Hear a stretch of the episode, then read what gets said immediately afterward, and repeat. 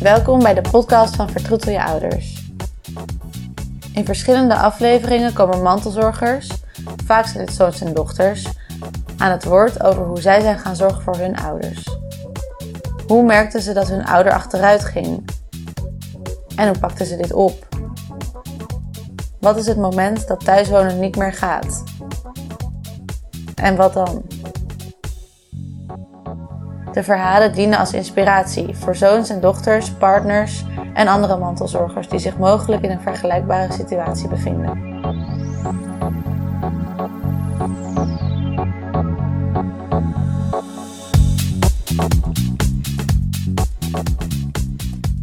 Hey Chief, Hey pap. ehm, we gaan proberen de pilotaflevering van de podcastserie eh Vertroetel je ouders te maken Ja. eh, nu.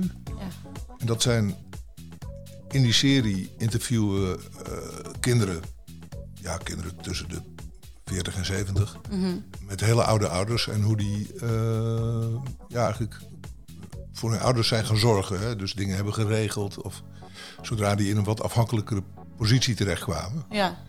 En ehm, nou ja, voor deze podcastserie heb ik ook ehm, hippe eh, jingles laten maken. Ah ja. dit muziekje. ja, heel nice. En ehm, ja, de bedoeling is eigenlijk dat in deze eerste aflevering dat jij mij eh, ondervraagt over eh, oma Leon, jouw oma, oma Leontien, mijn moeder. Hè? Ja, En ehm, hoe dat toen gegaan is allemaal. Ja, hoe dat toen gegaan is. Hè? Want ze was, eh, ja, ze was, mijn moeder was van 1918 en eh, mijn vader was van 1909, die was tien jaar ouder. En mijn vader die, ja, die over- is overleden in, eh, toen jij denk ik. Ja, toen was ik echt nog best wel jong. En eh, nou, daar heb ik altijd wat, wat een vroeging over gehad, dat ik, die, dat ik me daar onvoldoende mee bemoeid had. En toen dacht ik van nou, als, Waar ben je bemoeid had? Ja, met zijn, zijn aftakeling en met, met hoe het dan ging tussen hun. En eh, Want hoe ging dat dan met zijn aftakeling? nou, hij kreeg, hij kreeg ook tiaatjes en eh, hij raakte verward en hij werd afhankelijker. En ze sloten zich een beetje op, maar mijn moeder die was natuurlijk ook al stokoud. Hoe oud was zij dan toen? Nou, zij was toen hij, denk ik, eh, toen het met hem slechter ging, toen was zij, denk ik, eh, ja, toch ook al tachtig. Ja. Hè? En ehm, nou, op een gegeven moment kwam hij in een, in een soort coma terecht. En toen heeft hij nog een aantal dagen in het ziekenhuis gelegen. Ehm, en toen moest eigenlijk de familie zeggen van eh, stop de behandeling. Maar dat deed niemand. Nee. Waarom dan? Ja, omdat het zeker was dat hij daar eigenlijk zonder eh, hersenbeschadiging niet meer uit zou komen. Eh, dus dat was. ehm, daar had eigenlijk iemand moeten zeggen, begreep ik ook later pas, van. eh, trek de stekker eruit. Hè. Maar, ja, ja, mijn- is niet makkelijk. Nee, mijn moeder deed dat niet en mijn broers deden dat niet. En eh, toen ben ik, dus da- ben ik dat wel gaan regelen. Ja. Maar ik heb er altijd wel last van gehad dat ik me niet voldoende bemoeid heb met Ja, of eerder. Of eerder. Ja. Ja. Ja. En toen bij... ehm, want zij woonde niet in Amsterdam. Ze woonde... Waar woonde ze ook weer? Ze woonde in de provincie Utrecht. Oh ja. En eh, in eh Veenendaal of places. Maar dat, ja, ze waren heel erg op zichzelf. Altijd al. Ja. Dus ze gingen daar fietsen en naar de bibliotheek. Ze lazen heel veel, weet je wel. Ja, best wel introverte mensen. Ja, ja, ja. En ehm, nou ja, toen had ik me wel voorgenomen als mijn moeder aan de beurt is. Dus als die gaat aftakelen, dan ga ik me daar meer mee bemoeien. Ja, want hoe begon dat bij haar? Nou, zij werd eigenlijk, zij werd dement. Daar had ik toen nog niet zo verstand van als nu. Maar, dus ik, ik herkende dat niet meteen. Nee. Maar ze raakte verward en ze viel en ze kreeg ook ehm tia's.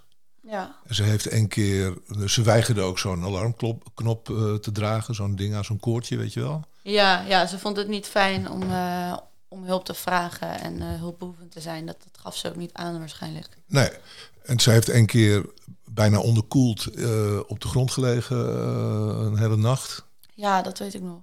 En toen heb ik met, samen met Hans, mijn jongste broer, be- hebben we toen gewoon haar naar Amsterdam eh, gehaald. Eh, d- zijn we dat gaan regelen. Dat ze hier kwam wonen. Ja, want ik, ik had hier toen nog een drukke baan in de, in de ICT en eh, jong gezin. Dus ik, heb, ik kon niet vaak naar haar toe. Nee.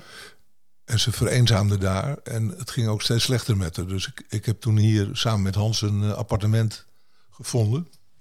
Met, je, met Hans samen heb je dat gezocht met je broer. Ja, ja. Nou, en dat ging eigenlijk prima. Dat was, eh, ja, dat was van het Leger des Heils. Dat zat hier vlakbij Artes in Amsterdam. Ja. En toen ging ik gewoon, want zij was dol op klassieke muziek en het concertgebouw en het eten. En eh, dan ging ik hele programma's maken voor haar van welke, wat dan eh, in het concertgebouw was. En dat allemaal in een, in een boek zetten. En, en dan ging ze zich ontzettend op verheugen. En daarna ook. Hè, dus als ze daar geweest was, dan vond ze het ook fantastisch. Maar ging ze daar dan alleen heen? Nee, ging ik samen met haar. Ah, oké. Dus dan ging ik, eh, ja, dan, dan ging ik haar met de taxi ophalen en dan reden we naar het concertgebouw en dan gingen we daar nog wat drinken. Ja. Nou, maar hoe was- vaak deden jullie dat dan in een week? Samen dingen doen? Nou, ja, toch wel minstens één of twee keer per week, denk ik. Ja. Ja, had je, had je daar genoeg tijd voor wel naast baan en alles? Mm, Ja, dat, dat, dat, ging, dat ging wel. Mhm. Ehm, ik ging ook wel eens tussendoor. Ja. En, ehm, maar goed, in 2004 werd het makkelijker, want toen werd ik, ben ik voor mezelf begonnen. Dus toen werd ik zelfstandige. Ja. En toen had ik, ja, toen kon ik mijn tijd indelen zoals ik wilde. Dus dat Ja. was fantastisch. Ja, precies. Want waar woonde zij, eh, hoe woonde zij toen precies toen ze net naar Amsterdam kwam? Ehm, ja, toen woonden ze, eh, toen woonden ze in de Goodwillburg. Ja. Dat was een, ja, daar had je gewoon een, dan kon je gewoon een appartement eh, huren. Ja, dus dat was helemaal zelfstandig nog. Ja, maar wel met hulp. Dus je kon wel eh, mensen die moeite hadden met maaltijden, die konden beneden dan gaan eten. Dat deed zij overigens nooit. En ze hadden interne thuiszorg. Dus als mensen verder achteruit gingen, dan konden ze eh, van ADL, eh, ADL eh, gebruik maken. Dus helpen met naar bed gaan of eh boterham smeren, dat soort dingen. Oh ja. Eh, alleen toen ging ze dus verder achteruit. En toen, Wat, eh, wat dan? nou, toen ging ze, eh, werd ze echt vergeetachtig. En ze ging ook, ik moest ook een rondje maken bij de horeca in de buurt daar waar ze woonde. Want ze ging dan overal koffie drinken, maar dan, ze kon de pincode niet meer onthouden. Ja. En die had ze ook niet meer bij zich. Die pinpas had ze niet meer bij nee, zich. maar ze had wel een portemonnee waar ik dan zorgde dat er altijd geld in zat. Gewoon cash. Ja, maar dan gaf ze de portemonnee af. Dus dan was Oh. afrekenen eh, te ingewikkeld voor haar geworden. Ja. Maar die portemonnee was altijd leeg. Dus dat werd ook gewoon uitgepikt natuurlijk. Ja. Maar ze gaf dan een, een lege portemonnee af aan zo'n eh, ober. Oh. En daar had ik dan de afspraak mee van nou dan kom ik één keer per week en dan vertel je gewoon wat ze gedronken heeft. En dan, Ja. eh, nou reken ik dat, Ja. reken ik dat af. Ja. En ehm,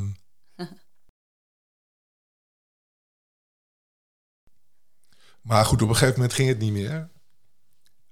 It- daar. Nee. Toen was het, ja, ze was te had meer hulp nodig. Ja, ze was te ver, ver achteruit gegaan. Ze ging dwalen. Het werd ook eh, gevaarlijk. Ze is één keer gevallen Ja. daar. eh, Ja. en ze had eigenlijk niet eh, geholpen willen worden. Want ze had allemaal... Ja, ze, had, ze wilde de pil van Drion. En ze wilde eh euthanasie als ze in een verpleeghuis terecht kwam. En Ja. eh, ze wilde niet gereanimeerd worden. Ze wilde niet... eh, ja, al die dingen. Hè? Geen gedwongen voeding. Nee. Geen, geen, Ze wilde gewoon eigenlijk, zodra ze te hulpbehoevend was, was ze er wel klaar mee. Zei ze altijd. Ja, ja, ja. Nou, en dat was aan de hand. Wat, maar toen was ze dus gevallen. En toen, toen hebben ze de ambulance gebeld. En toen is ze gewoon naar het, het AMC gebracht. Maar ze had niks bij zich van eh, verklaringen dat ze niet eh, ehm, Geholpen wilde worden. op, op, opgelapt wilde worden. Ja. En toen hebben ze daar gewoon opgelapt. Ja. En toen, eh, ja, en door die val is ze eigenlijk weer verder achteruit gegaan. Mhm. Ja. En toen kon het echt niet meer daarna. Dus toen... ehm, Waar is ze toen heen gegaan? Nou ja, toen zat ze in het eh Savati-huis in de Routerstraat hier Oh, in ja, Amsterdam ja. bij, bij Ramses Shaffi. Die zat Ja. daar Dat is een, een eh, bekende eh, zanger. Nou, ik- die ken jij denk ik ook. Ja, zeker. En ehm, ehm, die, eh, ja, die zat daar 's ochtends vroeg al met een fles wijn. Zat hij in, de, in, in het auditorium mijn vriendelijke gedachten knikken. Ja. Maar mijn moeder die, die ging toen wel echt achteruit. Daar kwam bij dat mijn jongste broer Hans... dat die eh, suïcide had eh, gepleegd. Die was van een brug gesprongen. Ja, Nou, dat was in 2007. ja daar, daardoor is ze ook wel verder achteruit gegaan, hè? Ja, want ik weet nog dat ik, ik... Ik moest dat gaan vertellen aan haar, want ja, ik ben een nakomer, maar mijn broers die vonden dat ik de enige was die dat kon zeggen tegen, tegen ma. Mhm. Nou ja, dat was ook wel zo. Maar eh, ja, en het gekke was dat mijn jongste broer die had een, een telefoon met, een, met knoppen. Dus dat ze met één bepaalde knop precies wist van dan krijg ik Tom en dan krijg ik Hans en weet je. En hij had die telefoon omgeruild de avond, eh, de avond voordat hij de suïcide pleegde. Oh, Dus zij had ineens een telefoon waar ze hem niet meer kon bellen. Omdat ze het nummer natuurlijk niet wist. Maar in elk geval daarna is het... eh, ja, dat, dat, dat een moeder haar kind... eh, dat een kind eerder overlijdt, dat, is gewoon niet te, niet te, dat was niet te trekken door haar. nee. Dat is echt de hel. Ja, verschrikkelijk. Dus toen is ze, toen is ze echt heel snel achteruit gegaan. Ja. Toen ging het echt niet meer daar. Ook in het Savati-huis niet? Nee, maar dat, toen was ze nog in het... eh, Oh. Toen dat gebeurde, was ze nog in, de, in, de, in haar appartement. Ja, dus daarna is het vrij 2007. snel naar het Ja, Savati-huis. dus, na- na- ja, daarna ging het, ging het echt niet meer. Ehm, nou ja, en dan kom je dus op een PG-afdeling terecht. ehm, Wat is dat? de psychogeriatrie. Oh ja. Dus dat betekent gesloten. Dus eh, achter een codeslot. Ja. Dat mensen dus, eh, ja, mensen zitten opgesloten. Ja, je kan niet weg. Je kan niet weg. En ehm, nou ja, toen ze daar nog niet zo lang zat, toen herinnerde ik haar er nog aan dat ze dood wilde als ze in een verpleeghuis zou komen. Dat ze dat vroeger gezegd had. Ja, Ja. En, eh, en dat die huisarts haar ook gerustgesteld had van nee, nee, u hoeft er geen zorgen te maken, mevrouw. Krause. Ja. Nou, en nu zei ik dat tegen haar van hé hey, moeder, eh, je hebt altijd gezegd dat je dood wou als je in een verpleeghuis terechtkomt, maar je zit nu in een verpleeghuis. Ja. En, toen, En toen? en toen keek ze heel blij om zich heen en toen zei ze, dood jongen, het is hier net een hotel. dus ehm, Ja, ik weet nog wel. Dat ze, ze zat daar altijd heel tevreden eh, bij. Ja, In het. Volgens mij vond ze het daar heerlijk. ja, ja, ze kreeg, ze, er was structuur, ze kreeg op tijd drinken, ze kreeg op tijd eten. Ja. Weet je wel, ze hoefde niet zelf boodschappen te doen. Volgens mij had ze niet ook op een gegeven moment een vriend? Of was dat niet meer daar? Dat ze nog weer aan het daten was. Nee, dat was, dat was nog in, eh, in, eh, toen ze eh, thuis woonde. Oh ja. Ja, Ja. er was een man met een sportwagen die haar steeds ophaalde. Ja. Ja, Barry, Barry heette die. Ja. Maar ehm, Ja, zijn... ze was altijd vrolijk nog. Ja, ja, ja. Maar goed, toen, ehm, toen in het ehm Safati-huis, daar merkte ik dat ze dat op een gegeven moment de dagen heel erg lang werden voor haar.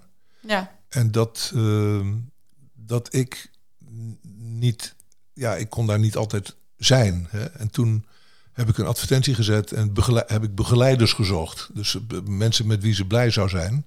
Maar met de dagen werden lang bedoel je dat ze gewoon zich toch verveelde. Nou ja, dat, dat is lastig te zeggen, maar eh, ik, ik wist toen ook nog niet zoveel van dementie als nu. Hè, maar ik had het idee dat ze, dat ze daar eh, te weinig activiteiten ondernam. Ja. Dat ze zich afsloot. Ja. Het was toch al nooit iemand die, die in groepen goed functioneerde. Nee, niet heel sociaal. Nou ja, in elk geval niet in, een- niet in een groep. Hè? Nee. Dus niet, niet in... in, in eh, ze was wel ontzettend aardig altijd één op één tegen Ja, mensen. ja. Hè? Dat, dat wel. Ja. Maar ze kon zich nooit bij, bij groepen aansluiten. Nee, dus, want dan eh, organiseren ze van die clubjes, toch? In zo'n eh, huis. Maar daar had ze dan echt geen zin in. nee, dus ze, de- ze, ze- daar, daar sloot ze zich voor af. En ehm, Ja. toen kreeg ik... Ja, mijn moeder was wel heel complex altijd. Hè? Dus het was heel moeilijk. Want ze had ook, ze had ook bijna geen vrienden of vriendinnen. Of, eh, eh, altijd met mijn vader, één op één. Ze sloten zich altijd een beetje op ook. Hè? Ja. En toen dacht ik van nou, als ik, hem- als ik nou begeleiders weet te matchen aan mijn moeder, dan kan ik iedereen matchen. Ja. En toen, eh, want ze was dol op pianomuziek en op klassiek. En ze speelde ook zelf piano vroeger. ja. Toen had ik Paul en nog een dame. En die, Wie, maar wie, hoe kwam je aan hen dan? de pianoadvertentie. Ah, oké. ja. Ja. En ehm, nou, dat, dat klikte enorm. Dus met Paul ging ze, eh, ja, die ging achter de piano zitten en die ging eh, Schubert zingen en zij ging meezingen. En eh, ik denk dat ze ook nog wel met z'n tweeën piano hebben gespeeld. Maar dat ging eigenlijk al heel snel niet meer. Maar, ehm, en met die dame ging ze dan eh, de de ondergoed kopen bijvoorbeeld, of de stad in. Of, eh, maar ze ging ook voorlezen, allerlei dingen. Ja. En ze gingen vaak naar het terras en koffie drinken.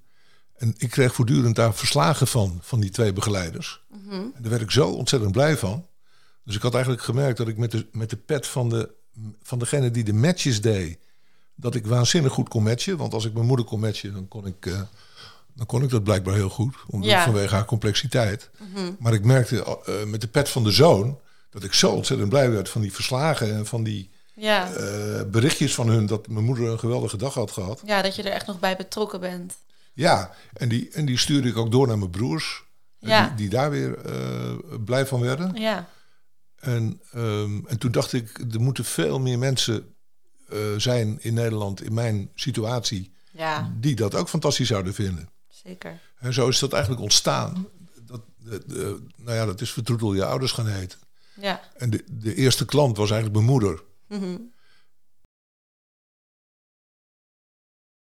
En eh, de tweede klant was mijn toenmalige, eh, waren mijn toenmalige, was mijn toenmalige schoonmoeder. Ja.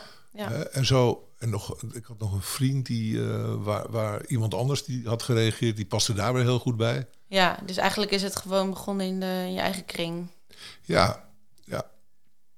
Nou, en dat, dat is toen.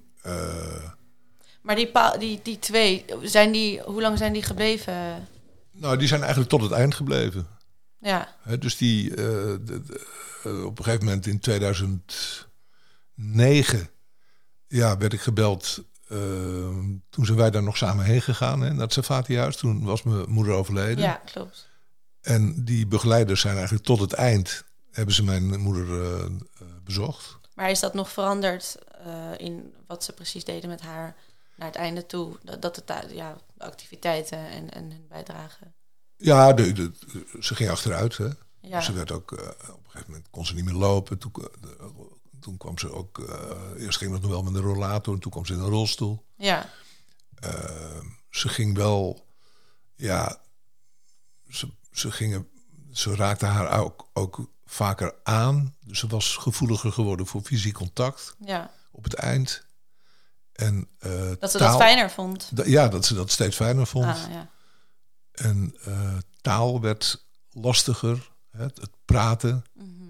Ja. Eh, dus ze, ze paste dat wel aan, maar ze gingen bijvoorbeeld wel ergens zitten met mooi uitzicht. Of ze gingen, ze gingen dingen die, ze, die mijn moeder heel goed kende voorlezen. ja. Gedichten ook voorlezen, vond ze prachtig. Ja. Eh, grappen maken. Mijn moeder heeft tot, tot vlak voor de dood kon ze ontzettend lachen nog steeds. Dus dat is ook wel bijzonder. En ehm, En toen ze overleed, toen, toen zijn ze, hebben ze toch ook nog iets georganiseerd? Ja, ja, ze hebben een, ja, mijn ouders die hadden, eh, eh, die hebben al heel lang geleden bedacht dat ze geen crematie of uitvaart wilden, maar die hebben zich beschikbaar gesteld voor de wetenschap. Ja. Nou, dat betekent eigenlijk dat er dus geen afscheid is, want na overlijden dan komt er zo'n cool autootje van de VU Ja. eh, voorrijden en dan eh, ja, is iemand weg. Maar goed, ze, mm, ze zijn bij, ons, bij mij in de familie sowieso niet zo goed daarin in, eh, in, in afscheid nemen en Nee. in uitvaarten en dat soort dingen. Nee. Maar zij hebben toen een ja, soort gedenkavond georganiseerd. Hè, Die waar ze- en... ja, ja. ja. En eh, de dingen, eh, foto's en eh, filmpjes. En verhalen over mijn moeder, kaarsjes gebrand. Dus Ja. ja, dat was, dat was mooi. Dat was een, was een soort afscheid. Hè? Ja, heel mooi dat ze daar ook nog iets voor hebben gedaan. Ja, Vertroetel je ouders. dat is zo gestart met je eigen moeder. En hoe kijk je daar nu op terug? Hoe dat toen is gegaan? Ja, het is toen eigenlijk in Amsterdam is het uh, begonnen. Hè, dus uh, alleen maar in Amsterdam. Wat? De, de, de, het concept. Hè, dus het van concept, vertoetel je ouders. Ja, ja. dus het concept van kinderen, veel kinderen die ons inschakelden om dan op maat iemand te zoeken die bij hun vader of moeder of ouders paste. Dat is ja. En het was ook dat het mensen waren van ja, iets hogere leeftijd, toch? In het uh, begin was dat best wel streng. Uh... De begeleiders. Ja, de begeleiders. Ja, ja dat de gedachte was dat die kinderen, mm -hmm. dus dat mhm. zijn, de, ja, dat, dat zijn kinderen vanaf 40 tot, tot 70. Hè. We hebben één keer zelfs een zoon van 80 gehad met een, met een moeder van 103. Dus ja, dan zie je, dan denk je, nou, je bent de klant. Dan zegt hij, nee, nee, ik ben de zoon, weet je wel. Ja. Dus dat, dat kwam ook voor. Maar uh, de gedachte was dat de, uh, als de begeleiders wat ouder zijn, dat hun ego dan wat minder in de weg zit. Ja. Uh, en een ander voordeel was dat de kinderen dan makkelijker kunnen levelen met zo iemand. Hè?